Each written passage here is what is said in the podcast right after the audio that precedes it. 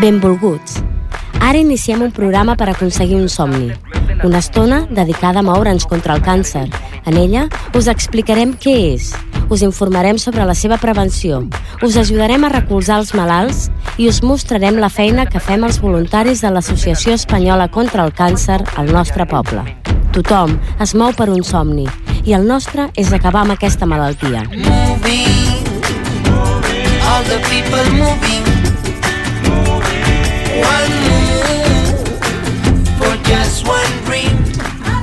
Bona tarda a tothom i benvinguts al sisè programa de la tercera temporada de Movem-nos contra el càncer.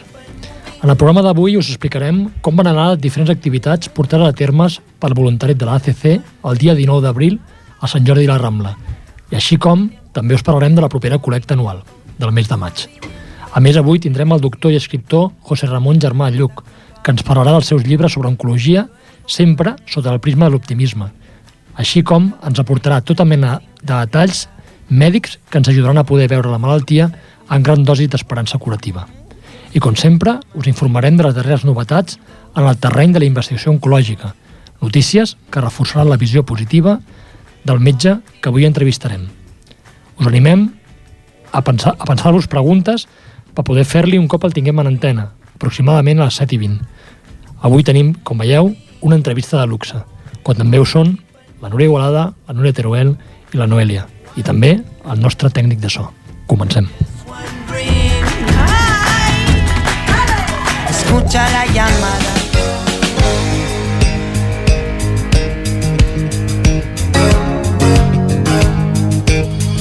Les activitats.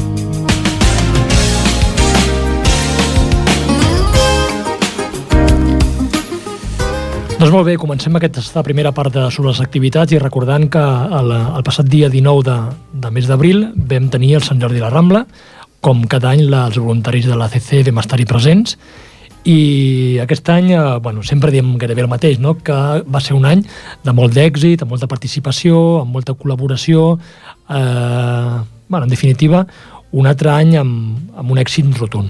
Però ara les nostres col·laboradores habituals ens ho explicaran més detall, oi, Núria? Doncs sí, aquest any, bueno, com tots els anys, la gent de Ripollet col·labora molt, molt amb nosaltres. Uh, de fet, pel tema del sorteig que vam fer, que recordem que era un, un cap de setmana per dues persones a Andorra, eh, la gent els hi explicaves, no? mira, a tal hora es farà el sorteig i tal, i molta gent et deia, "Mm, no, no, sí, és igual, no, no vull saber de lo que és, jo només vull col·laborar. Això a mi se'm posava la pell de gallina, la veritat, de, de perquè veus que realment col·laboren per lo que col·laboren, no només pel viatge. També hi havia altres que, que volien el viatge, no?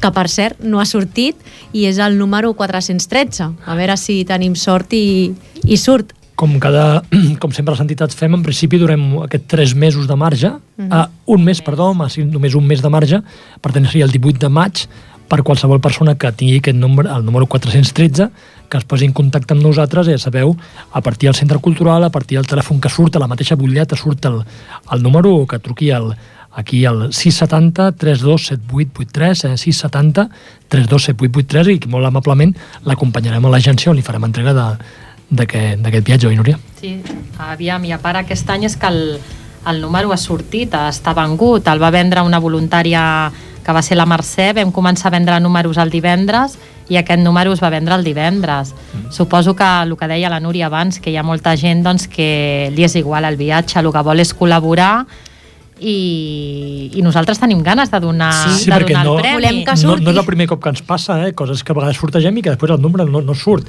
Per tant, entenem que la gent, el que comentaven, no? que igual és el de menys, el cobren i no donen importància en aquest, en aquest número. A més vam vendre totes les paperetes, Sí. les mil paperetes. L'any passat no, l'any passat vam vendre sobre unes 750 o així ens van quedar per vendre i aquest any la veritat és que bueno, hi havia gent que s'acostava al, a l'estant i em sembla que algú va revendre la seva Mm. Sí. perquè no, no en teníem, no en teníem Mm -hmm. També voldria destacar aquest nombre de, de voluntaris joves que ens van, ens van ajudar i que també ens va anar força bé. Tenim aquella foto penjada al Facebook, eh, que podeu visitar a ECC Ripollet, on veieu una foto que, no sé si vaig comptar igual 15 voluntaris o, Sí, aprox. eh, aproximadament.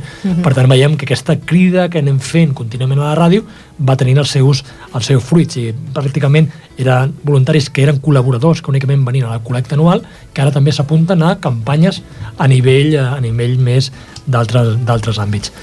uh, per tant, dieu que vam vendre els números, eren 1.000, per tant Mil. vam fer 1.000 euros? No, vam No. fer més. Vam fer 1.653 euros, amb 50 per ser més exactes.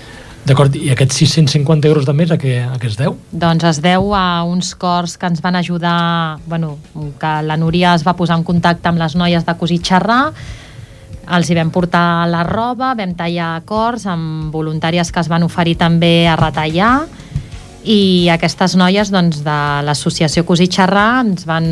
Ens els ha muntat. Ens els van muntar. La Núria va acabar de posar les anelles per fer tipus clauer, però bueno, hi ha gent que els ha comprat i no els han fet servir de clauer, els tenen penjats a lo millor en els pom dels armaris i aquesta o tarda fileteros. El que sigui. I, I aquesta tarda, per exemple, la Núria ha comentat abans que hi havia noies que pel carrer li havien comentat escolta, que jo en vull més. Per tant, si algú que ens escolta en vols més, em podria aconseguir i com encara, ho podria fer? encara en tenim, Podries- es poden podria com- adreçar a nosaltres, A nosaltres? Al, a través de la pàgina del Facebook Sí. o al número de telèfon Que de, que hem comentat abans. Val, Encara en tant, tenim En teníem, crec que al voltant d'unes 100 més o menys, ens queden uns 40. uns 40 aprox. Val? Sí. Per tant, això vol dir també que un cop s'acabin també haurien de tenir més voluntaris per tornar a fer aquests cors que també, que també surten. Mm? Mhm. Bé, igualment eh, crec que eren a 3 euros cada, Cada un. cor. Sí, i després a més a més teníem... A més, teníem altres coses de uns, uns barrets Sí, fets sí. també a, a mà, no? forrats amb roba, que aquests els vaig fer jo, i són per posar les agulles de cosir, molt monos, també van tenir molt èxit, però Aquests només, es van vendre tots. només n'hi havien sis. De cara a l'any que ve en faré més. Clar. I després també una altra col·laboradora nostra, voluntària, bueno, no, i que està dintre de la Junta, va portar pues, detallets per, per vendre i, bueno, pues, i gent que passava i ficava diners sí, a la gent Guardiola. que venia, que simplement o... venia a col·laborar amb la Guardiola. Sí, sí, sí, sí. Sí, No, la veritat és que molt bé. 1.000 euros era recapte de, de viatge bitllet. i els 653 amb 50 és la suma de d'acords, de gent que venia a posar donatiu, d'alguna pulsera que també es va vendre, Mhm. però que en proporció aquest any jo em sembla que hem batut rècord. Sí, Sí, sí. També Jo- pensa que vam posar les butlletes a un euro i, sí. i vulguis que no, dona més joc de... Clar. Ah, doncs dona'm dos, perquè si ja el poses una miqueta més car, la gent, ah, doncs et compro només una. La, veu notar que la l'afluència de públic anava variant al llarg del matí, no? Crec que a partir de les 12 es va sí, acumular és més com, gent al principi. com sempre, ja igual que el dia que et poses de recolecta Sí. també l'hora clau és dos quarts de 12 a les 12 en amunt. amunt. I aquí veiem que, que els voluntaris que venien, aquest nano jove, venien, vull més butlletes, eh, que ja no en queden, venen, i això, aquest, aquest moviment feia el que sempre dient que d'omplir d'optimisme, no? perquè a vegades també es fa com, com molt trist, no? butlletes no, no, van sobrant, que un any Clar. havien sobrat no? I, també, 300 I butlletes. també és passat per nosaltres el fet d'anar Ja, darrere, de la darrere, gent, darrere. no? De... Però bueno, Sí, perquè molta gent amb la broma, a mi, per exemple, no m'ho han dit, però a la voluntària, la Mercè, ja li diuen que em vens a atracar, Mercè? Així amb perquè la brometa, ella la no? coneixen del la poble, coneixen és de molt molt coneguda temps, i i clar, ella... La veritat és que és, és una crac, també. és una màquina, Jo crec és una màquina. nosaltres- Hem de fer un monument a la Mercè. Nosaltres jo crec que ho fem molt bé, però jo crec que la Mercè, si no arriba al 50% dels números venuts, gairebé, ens toca vendre Els va 400 vendre, i ella els va sola. vendre. Home, pensa que ella és d'aquí del Tenia- poble, coneix a molta gent Exacte, i... va vendre 483 números, la Mercè.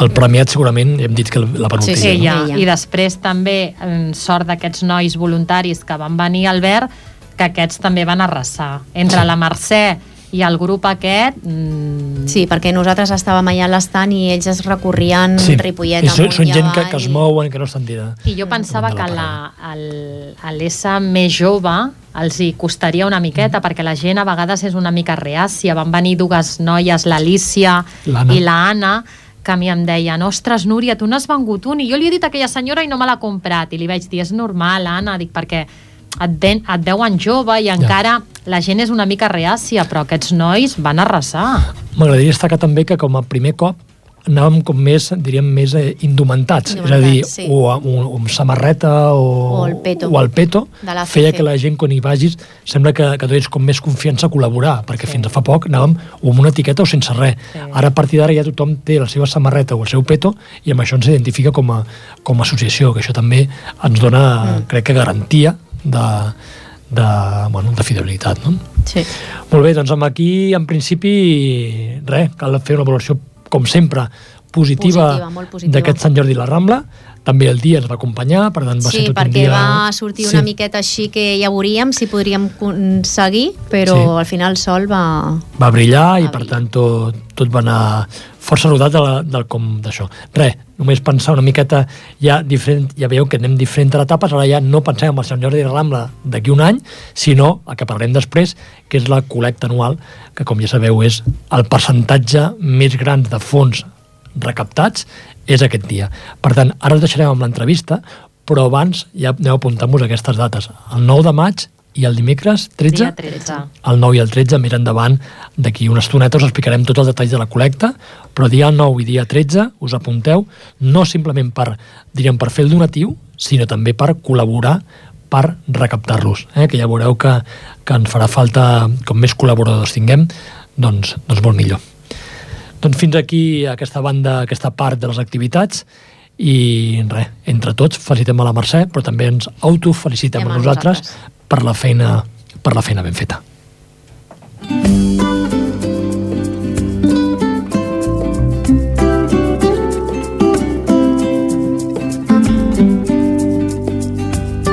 L'entrevista.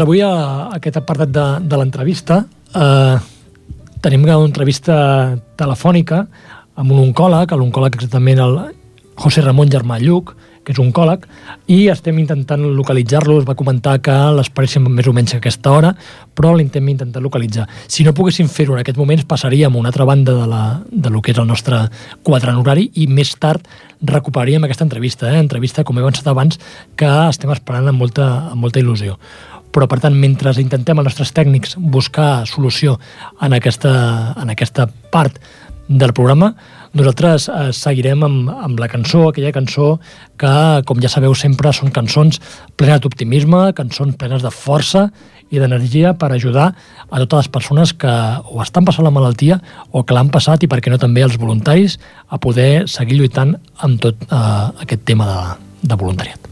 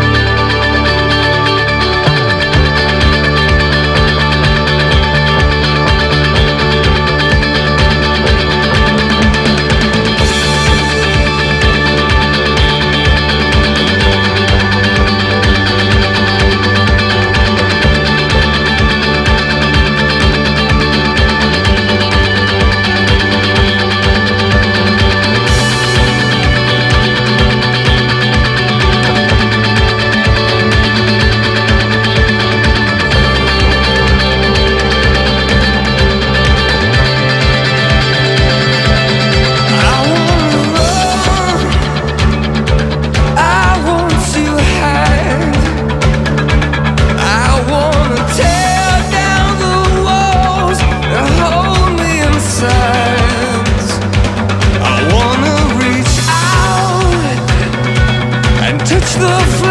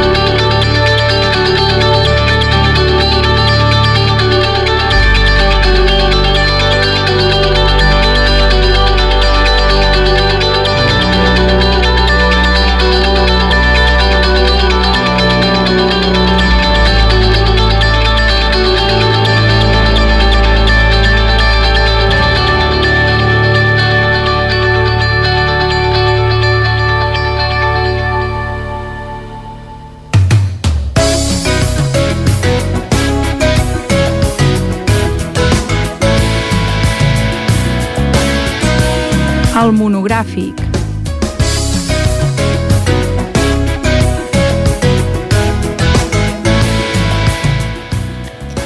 Científics americans creen un microxip que utilitza sons per separar les cèl·lules cancerígenes de la sang. Es tracta d'un dispositiu que funciona mitjançant ones de so i té la mida d'una moneda de 10 cèntims d'euro. Segons els seus creadors, aquest microxip podria millorar el diagnòstic del càncer, el seguiment d'un tractament i la investigació sobre la metàstasi.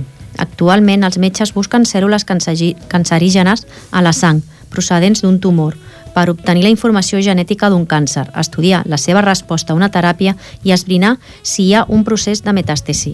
Extreure aquestes cèl·lules de la sang evita les doloroses biòpsies, però les tècniques actuals requereixen marcar les cèl·lules cancerígenes amb proteïnes i aïllar-les mitjançant magnetisme i fluorescència. Això pot alterar alterar-les i dificultar el seu estudi. El nou descobriment evitarà aquestes dificultats, ja que el microchip és un canal en el qual els investigadors introdueixen una mostra de sang sense glòbuls vermells. Al llarg del canal, ones de so poden separar una cèl·lula cancerígena entre satanàs de milers de glòbuls blancs. Aquest nou mètode no modifica les cèl·lules i permet la seva, el seu, la seva anàlisi. A més, la tècnica és a fins a 20 vegades més ràpida que la que s'utilitza actualment.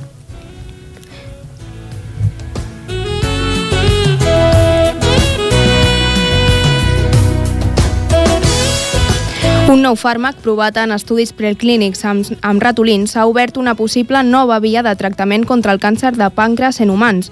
Aquest és un dels tumors amb pitjors índexs de supervivència. Investigadors del Vall d'Hebron Institut d'Oncologia han aconseguit alentir el creixement del tumor utilitzant un fàrmac anomenat ibrutinib i que fins ara s'utilitzaven al tractament d'altres dolències com linfomes i leucèmies. Els càncers de pàncreas són difícils de tractar perquè el cos manifesta els símptomes d'aquesta dolència quan la malaltia està en estadis molt avançats. Per tant, malgrat que no es detecten gaires casos, la supervivència no supera el 5%. A més, aquest tumor té una cuirasa molt resistent que impedeix que els fàrmacs de quimioteràpia arribin al cor del tumor de forma efectiva. Aquesta cuirassa pot arribar a ser del 90% de la massa tumoral. Justament en aquesta massa, però, els investigadors han detectat unes cèl·lules que podrien ser potencials dianes per atacar la cuirassa del tumor. Contra aquestes cèl·lules podria actuar el fàrmac. La combinació entre el fàrmac i la quimioteràpia ha augmentat la supervivència dels ratolins i els científics creuen que en humans els resultats poden ser encara molt més efectius.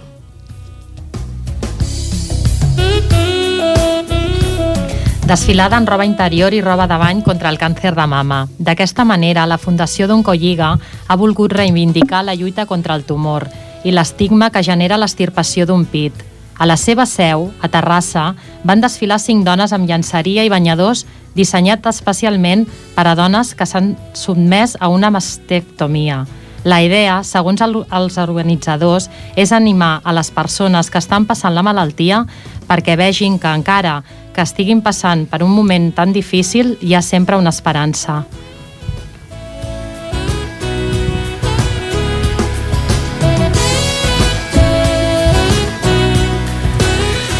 Bé, doncs fins aquí aquest apartat de, del monogràfic, eh? com sempre aquestes notícies esperançadores que ens ajuden a, a tirar endavant.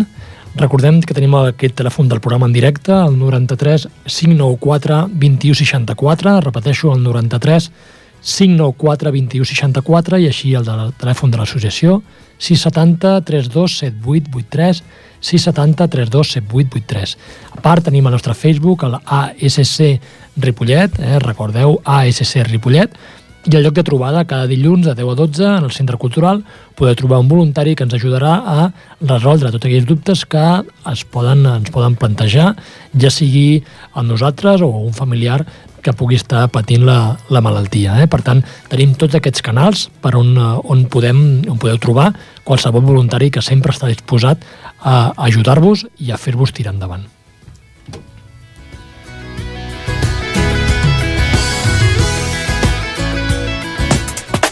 L'agenda.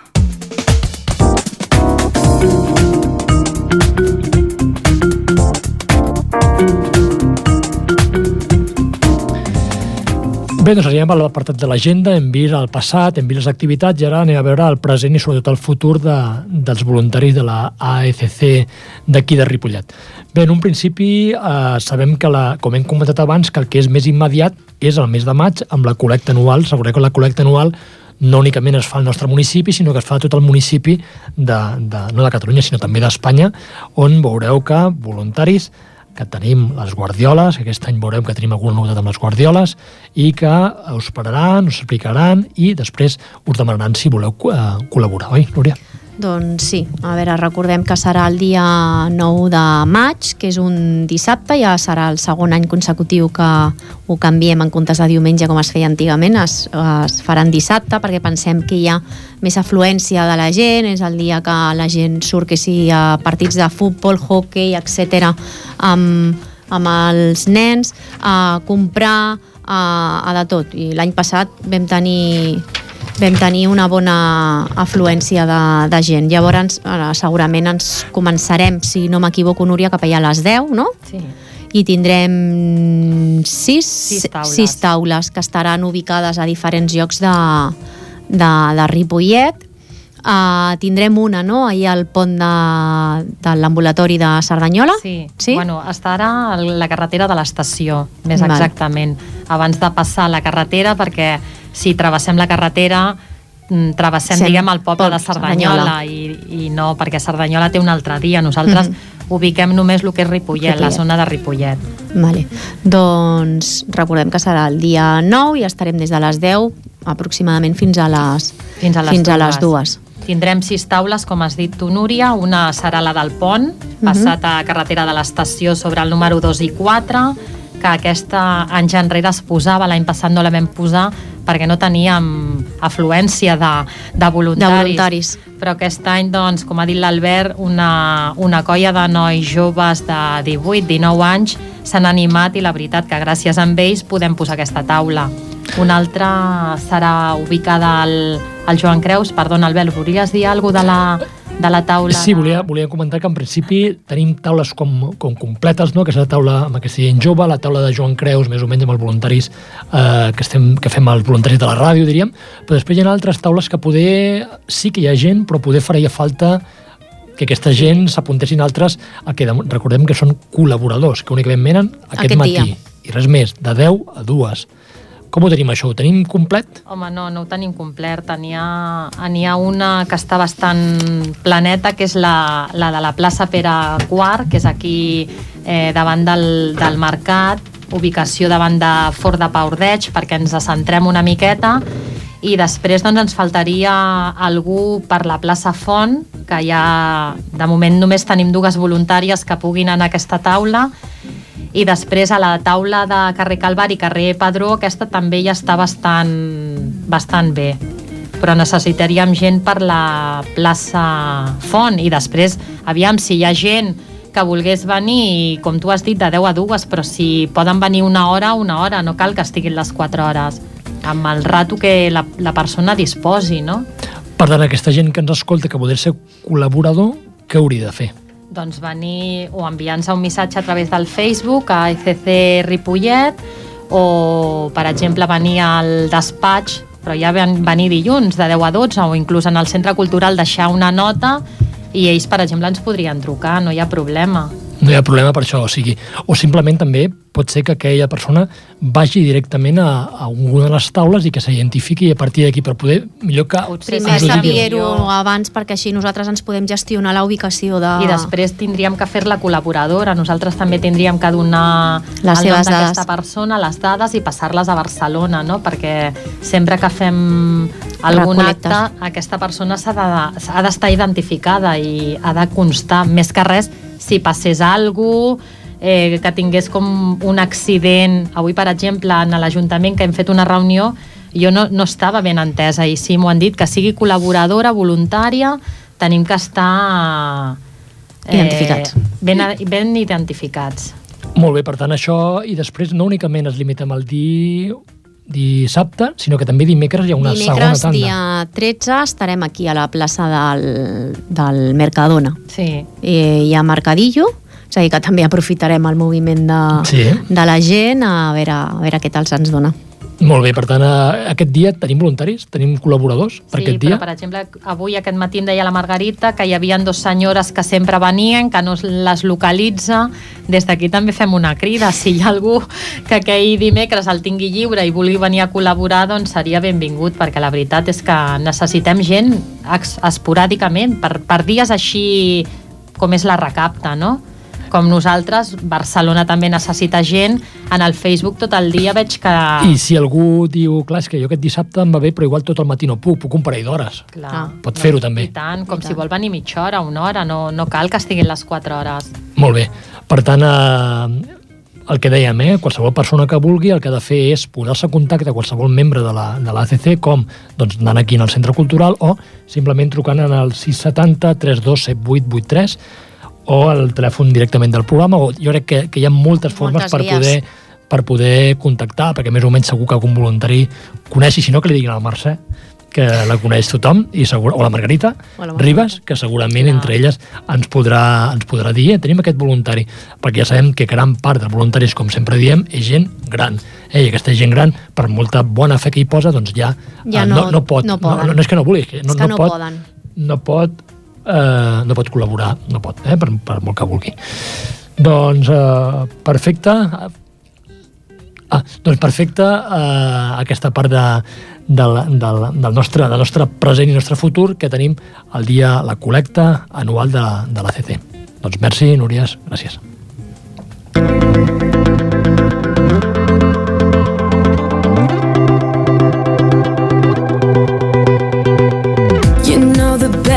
feels warmer sleeping here alone. You know I dream in color and do the things I want. You think you got the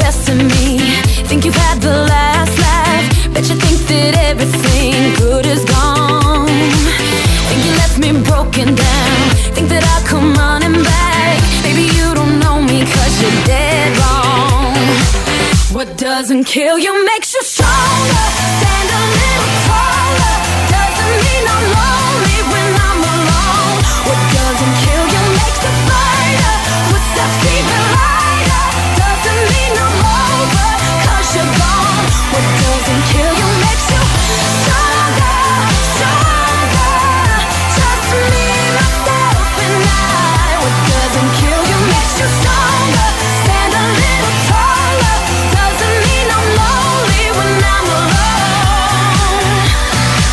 You heard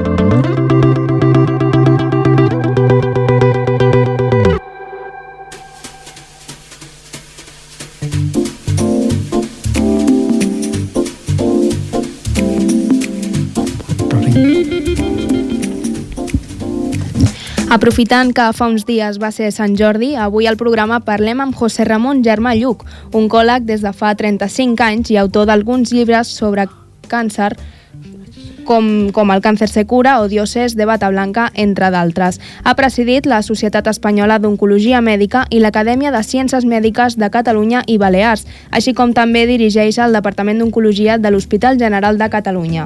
Però José Ramon és, abans de tot, optimista. Els seus llibres, del quals parlarem després amb ell, giren entorn a l'esperança i a la imatge positiva de la malaltia.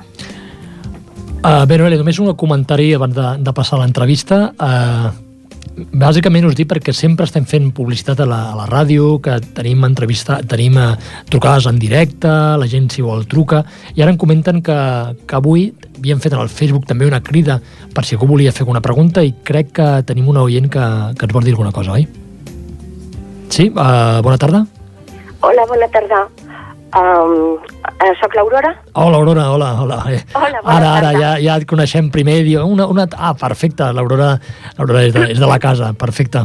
Bueno, jo, jo és que volia aprofitar que, que venia, teníem aquesta entrevista tan, tan bona, tan important, i, i sempre estic a la guai de, de coses que, que ens puguin explicar, novetats, i, bueno, mm, si, si es pot fer quan arribi el doctor Sí, la pregunta... perfecte. Mira, Aurora, t'explico una miqueta. Ara, en principi, ens han comentat que d'aquí com a màxim 3 o 4 minuts eh, el podrem, li podrem fer Ah. les preguntes, però des d'aquí també voldríem, voldríem eh, comentar-te del tema de, que parlàvem aquí, del tema del Facebook, eh, que vol dir que, que molt bé que, eh, que portes que portes d'una manera eh, magnífica i des d'aquí volíem felicitar públicament per, per també que, que, que, que ho has fet també i, i, i molt bé, comentàvem aquí una miqueta, diu, va, com ho podem fer? Perquè ara saps que tenim també una col·laboradora nova, que és la Noelia, que és una, una, una noia jove que també ens ajuda, i va dir, eh, podem fer això? I tot tranquil, a l'Aurora la truquem i ràpidament ho fa. I res, dir-te això, i al cap de 10 minuts ho teníem.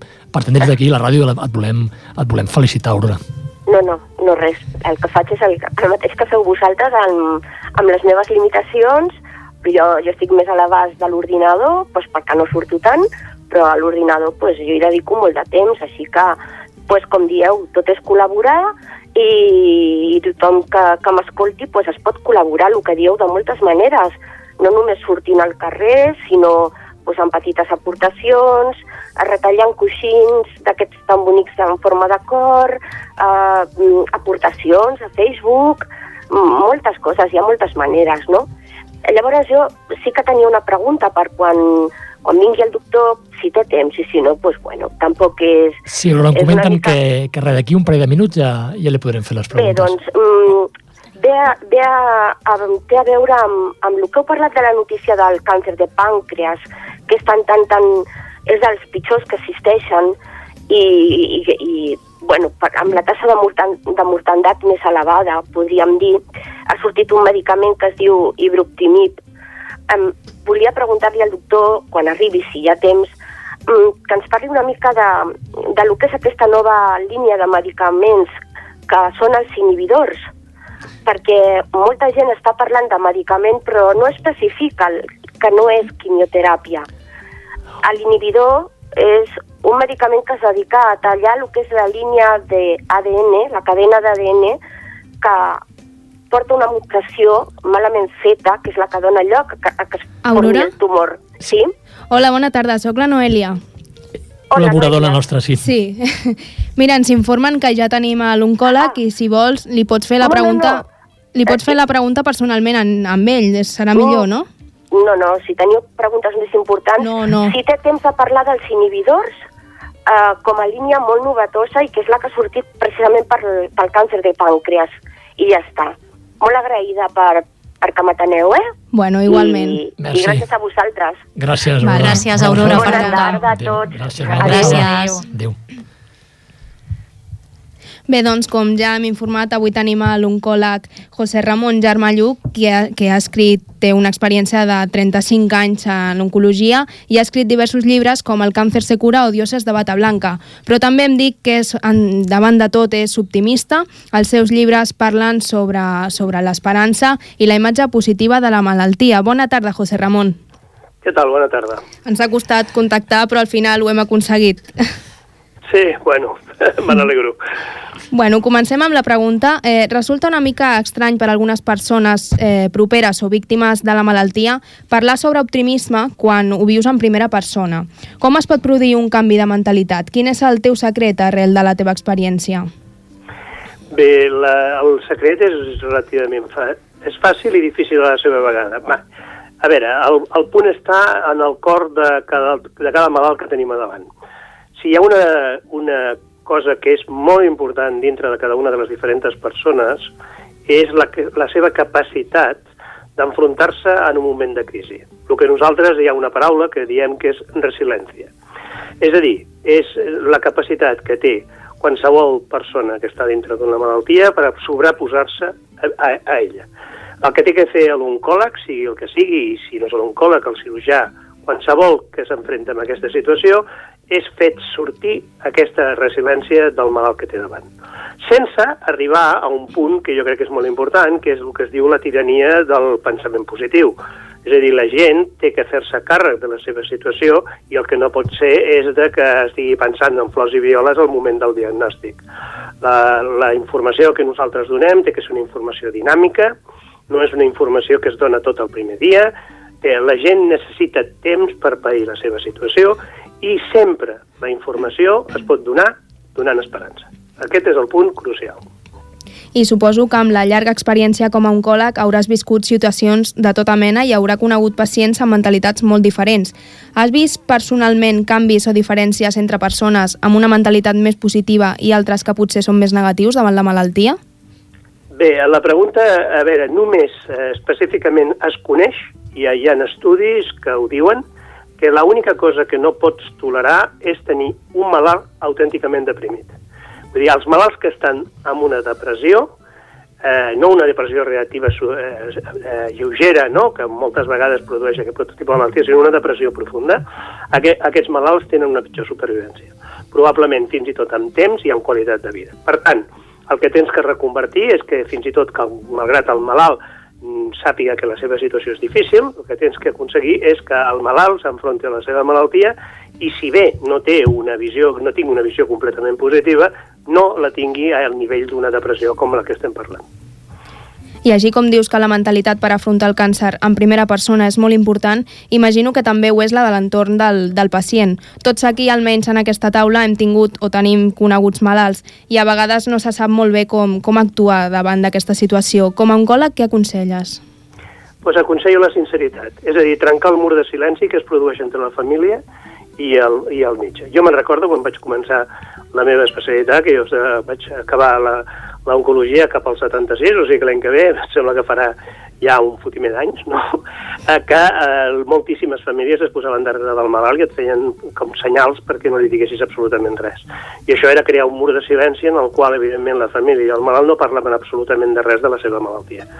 I això és un error. Això ha canviat absolutament, ha canviat absolutament i ja va canviar en el moment que, per exemple, vam canviar el nom als hospitals i ara tenim un institut oncològic, amb la qual vol dir que la gent que va allà dintre saben perfectament que tenen un càncer i la relació entre la família i el malalt pues, hem d'assolir de que es pugui parlar lliurement de la situació, perquè si no el que passa és que el malalt en moltes ocasions, mmm, i això jo he viscut l'anècdota, me'n recordo encara tota una família amb la qual va venir a parlar amb mi abans de que veiés un malalt, i em van dir, escolti, no li digui absolutament res. Me'n recordo que després quan vaig visitar el malalt i en el moment de visitar-lo vaig anar i vaig anar... Eh, perdoni un momentet. Sí, tranquil. Eh, no, eh, va, vaig anar eh, a, a veure el malalt i eh, el vaig visitar en un altre lloc que, que, que tenia. I el malalt la primera cosa que em va dir va dir, escolti, per favor, no li digui a la meva família que tinc un càncer. Aquesta situació que sembla tan ridícula és perquè ni uns i els altres havien parlat. Mm. Eh, bueno, ja hem parlat en la presentació de l'entrevista que escriure és una de les teves passions. Un dels llibres que s'ha escrit és Càncer, el fin, del, mito. Eh, perquè ho sàpiguen els nostres oients, en el llibre mostres que la cura de la malaltia ja no és una utopia i tractes, entre d'altres coses, quins són els tractaments més nous o com es pot afrontar la malaltia al segle XXI. Respecte als tractaments, com veus que hem avançat des, que, des de que es va iniciar fins ara? Uh, hem fet un canvi impressionant impressionant amb dos nivells. Un és amb la taxa de curacions, Vull dir, quan jo vaig acabar la meva carrera era cap allà a principis dels anys 70, la taxa de curacions se n'anava aproximadament a un 30-35% i en aquests moments ja hem, ja hem traspassat el 60%. Per tant, pràcticament, no diguem gairebé, ja hem, tras hem traspassat no, la mitja botella eh, plena, no? Vull dir, això és, això és evident. Però no sols això, eh? Jo crec que l'altre punt més important que hi ha és que la qualitat de vida dels malalts que no són curables, mitjançant els cuidados que tenim avui en dia, avui ha canviat absolutament. Vull dir, els malalts viuen, fins i tot els que no es podem curar, viuen molt més temps i amb una qualitat de vida molt millor. Tenim fàrmacs molt millors, tenim eh, els efectes col·laterals de molts d'aquests fàrmacs, els sabem avui a dia manegar molt bé, i no sols això, sinó que a més a més tenim fàrmacs que ajuden a més a més a la tolerància de molts d'aquests medicaments eh, anti, antitumorals. Uh, doctor, uh, hola, bon, bon, uh, bona tarda. Mira, soc Albert, aquí el col·laborador de, del programa de, de ràdio. Anteriorment he trucat una, una, una, una amiga nostra, l'Aurora, i ens comentava una mica si ens podria explicar què tal el tema dels inhibidors, perquè hem estat parlant de, sobre el càncer de pàncreas uh -huh. i hem parlat d'un nou medicament i ell ens comentava si podíem preguntar-li uh, com ho tenim o què sabem d'aquests inhibidors. Bé, a veure, tot això comença a, a finals dels anys 70, principis dels anys 80, quan eh, descobrim que els gens que tenen les cèl·lules normals són els propis gens que finalment, quan envelleixen i quan es muten, no, eh, acaben produint el, el mateix càncer. Aleshores, eh, eh, això ha sigut el coneixement progressiu dels mecanismes íntims d'aquests uh, tumors. No? Dintre d'aquests mecanismes íntims hem sigut capaços de trobar dianes i dissenyar medicaments específics contra aquest prototipus de dianes. Vull dir que això és l'alternativa, per dir-ho d'alguna forma, o la complementació de la que denominem la quimioteràpia més convencional. Aquests eh, fàrmacs fonamentalment són de dos tipus i un dels tipus fonamentalment són els que nosaltres diem eh, antitirosinquinases, que són inhibidors específics d'algunes d'aquestes alteracions moleculars específiques d'alguns tumors. I això ha produït en, eh, en algunes neoplàsies eh, uns avenços espectaculars. Per exemple, la leucèmia mieloide crònica, que és un, era, un, era una malaltia leucèmica que produïa la mort dels malalts aproximadament entre 4 i 6 anys, avui en dia simple i exclusivament administrador d'un inhibidor, que és una pastilla al dia, tenim malalts que fa 10 anys que estan prenent la pastilla i que la seva malaltia està controlada. I amb això, evidentment, el que passa és que no tenim Eh, no hi ha molts tumors que funcionen així, però fins i tot dintre del món del càncer de pulmó, que tots coneixem, que és un, un món difícil de tractament. Eh, dintre de la població de malalts no fumadors que tenen aquesta malaltia, també hem trobat alteracions específiques i dianes específiques que amb una sèrie de fàrmacs també tenim respostes molt importants. A veure, que estem lluitant amb aquest prototipus d'inhibidors amb moltes malalties diferents, no? I cada dia surt alguna, algun estudi en la qual eh, el que mostra és una milloria discreta, en algunes ocasions, de, la, de, de moltes d'aquests tumors. El càncer de pàncreas és un món mm, difícil, és un món tremendament difícil i està considerat avui en dia un dels tres tumors més complicats de, de curar. Per un fet molt senzill, perquè en el moment que nosaltres diagnostiquem el càncer de pàncreas, aquest càncer de pàncreas normalment està molt avançat. El càncer de pàncreas és, eh, diríem, molt silent, és un, és un, eh, és un enemic d'aquest que no et dones compte fins que no està eh, normalment escampat dintre de l'abdomen i en moltes ocasions amb l'afectació del fetge. Llavors, algun d'aquests fàrmacs s'estan avui en dia utilitzant per, eh, a nivell d'assaig terapèutic per veure si aconseguim o assolim eh, millorar els resultats que simple i exclusivament donen la quimioteràpia, que per ara no són específicament molt bons. I tot i que hem avançat, com has dit anteriorment, eh, quin o quins aspectes creus que són els que s'haurien de continuar treballant? Bé, hem de fer recerca, hem de continuar fent recerca i per tant hem de tenir diners per la recerca. Aquest és un punt importantíssim. Vull dir, eh, tot el que hem millorat en tots aquests anys és perquè coneixem més, més a fons l'enemic en el qual ens enfrontem. Vull dir, tota la, tota la, la quantitat de laboratoris que estem treballant en aquests moments mm, per conèixer aquests mecanismes íntims i que per, per crear noves dianes que les quals dissenyar aquests nous tipus de tractament signifiquen, evidentment, eh, significa hores i hores d'investigadors, significa mantenir el talent que en aquest país tenim. Per exemple, en aquest sentit, Catalunya té moltíssim talent d'investigació, però bueno, hem de mantenir també eh, doncs, tota la inversió que significa això, que cada vegada resulta una mica més difícil per tots els problemes de les crisis financeres que hem viscut aquests últims anys. I veus implicació per part dels dirigents del sector per tal de millorar aquest, aquests aspectes que acabes de comentar? Bueno, jo crec que ho intenten. Ho intenten, però estan mancat específicament en situacions. A veure, jo encara me'n recordo d'alguna d'aquestes xerrades múltiples amb gent del Ministeri de Madrid, etc, amb la qual, per exemple, jo vaig plantejar una fet molt senzill i dic, escolti, miri, si en vez de comprar avions F-16 que valen mils de milions d'euros, escolti, si els empleéssim fonamentalment en fer recerca, probablement eh, probablement eh, tindríem més diners no, per la recerca, perquè, entre altres coses, mai he pensat que els F-16 serveixin per atacar al Marroc o a França o jo què sé. Avui en dia jo crec que hem de prendre decisions valentes d'on tenim que invertir els diners. Vale, anem ja amb la última pregunta. Eh, Adioses de Bata Blanca, una novel·la basada en un fet real, expliques que la comercialització d'un medicament va acabar amb la vida d'unes 75.000 persones. Eh, a la novel·la parla sobre l'obsessió de la recerca de la rendibilitat econòmica. És aquest sector un negoci i els malalts de càncer un camí per aconseguir beneficis? Bé, aquesta és una pregunta que necessitaria 10 minuts per contestar-la, però ho faré molt fàcil. Vale. A veure, la, la, direm el següent. La indústria farmacèutica és absolutament necessària uh, per uh, avançar. Per, per un fet molt senzill, el 75% de tots els diners que es dediquen a la recerca amb càncer provenen de la indústria farmacèutica. Per tant, ells tenen que ser els nostres partners.